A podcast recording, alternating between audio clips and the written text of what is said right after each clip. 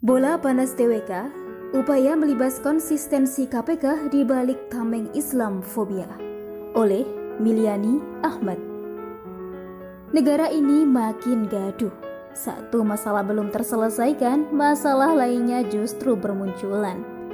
Belakangan ini, tes wawasan kebangsaan atau TWK yang diinisiasi oleh KPK telah menuai banyak masalah. Tes yang awalnya berfungsi sebagai media penilaian ahli fungsi status pegawai KPK menjadi ASN berubah menjadi bola panas dan berpotensi memecah belah. Disinyalir, tes tersebut merupakan upaya untuk melemahkan KPK dengan cara menyingkirkan orang-orang yang selama ini memiliki komitmen yang tinggi untuk memberantas tindak korupsi. Setidaknya, Berdasarkan hasil TWK tersebut, sebanyak 1.274 pegawai KPK dinyatakan lulus kecuali 75 orang pegawai lainnya. Di antara 75 orang pegawai yang tak lulus tersebut dikabarkan ada nama Novel Baswedan yang diketahui halayak sebagai orang yang gigih memperjuangkan kebersihan negara daripada tikus pengerat uang rakyat. Sontak saja, masyarakat banyak bersuara Apalagi di tengah nasib bangsa yang ditimpa masivitas korupsi, TWK seakan berpotensi menjadi celah terbukanya pintu lebar bagi para koruptor. Sejumlah pihak mempertanyakan sejumlah soal TWK yang diajukan oleh KPK. Semisal, pertanyaan yang mencoba membenturkan antara kewajiban jilbab dan kepentingan bela negara, serta apakah memilih Al-Quran atau Pancasila. Menanggapi pertanyaan yang nyeleneh ini, Jazuli Zuaini selaku ketua fraksi PKS menjelaskan bahwa pertanyaan-pertanyaan tersebut amat tendensius, menyimpang, dan menyesatkan.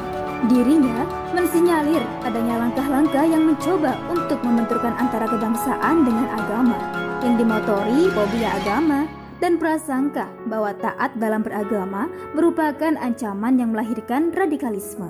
Secara fakta, Islamfobia makin tampak pada label merah yang disematkan kepada 75 pegawai KPK. Terdapat beberapa kriteria di antara 9 kriteria kategori merah yang menunjukkan sentimen anti-agama tersebut.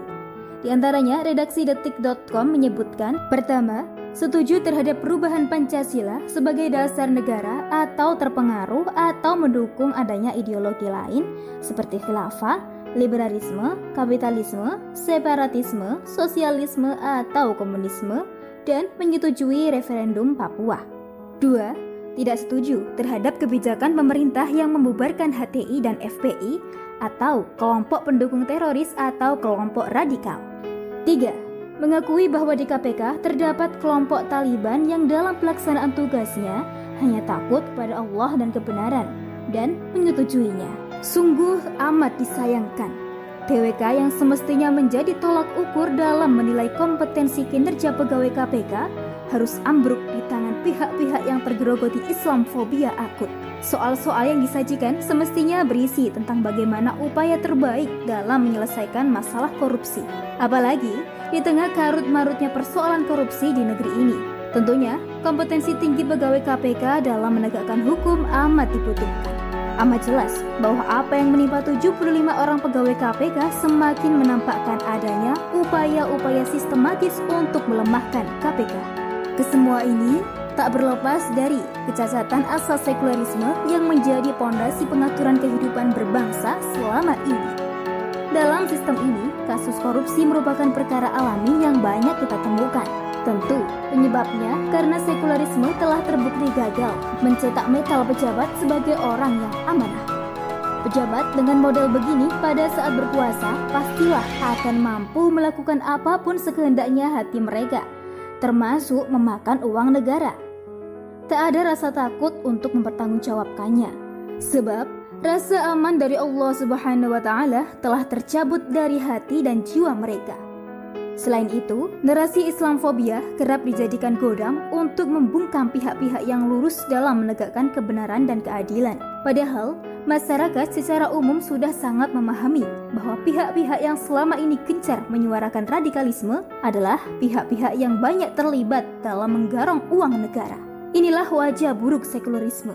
Agama tak lagi menjadi penopang penegak standar kebenaran. Akal manusia yang mendominasi dalam pembuatan UU dan juga aturan telah menjadi konflik kehidupan berbangsa makin menganga. Pada saat kepemimpinan Umar bin Khattab saat beliau mengangkat pejabatnya, Umar terbiasa menghitung dan mencatat aset kekayaan mereka. Dalam perjalanan selanjutnya, jika terdapat keanehan dan keraguan pada kekayaan yang dimiliki pejabat atau pegawai negara tersebut, maka Umar tak segan-segan menyita kelebihan harta tersebut di luar penghasilannya yang sah. Harta sitaan tersebut akan diserahkan dan dimasukkan ke dalam Baitul Mal. Itulah cara membuktikan korupsi.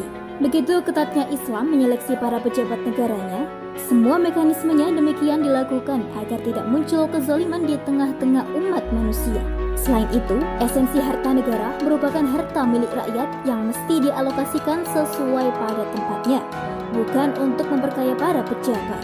Untuk itulah, negara perlu membentengi sedari awal perilaku rakyatnya dengan pondasi akidah Islam yang kokoh Kondisi ini akan melahirkan keimanan dan ketakwaan di kalangan rakyat khususnya para pejabat dan pegawai negara. Efeknya, kejahatan dan tindakan culas akan semakin hilang di lingkup kekuasaan. Dalam sistem pemerintahan Islam atau khilafah, tidak boleh ada upaya-upaya untuk memandulkan fungsi khalifah dalam memberantas korupsi. Semua pejabat dan pegawai negara mesti memiliki pemahaman yang satu bahwa korupsi adalah tindakan memberontak kepada syariah Allah Subhanahu wa taala. Sehingga setiap adanya upaya pemandulan tersebut wajib dicegah bersama-sama dengan kesadaran yang dilandasi atas keimanan. Inilah yang membedakan Islam dengan sekulerisme.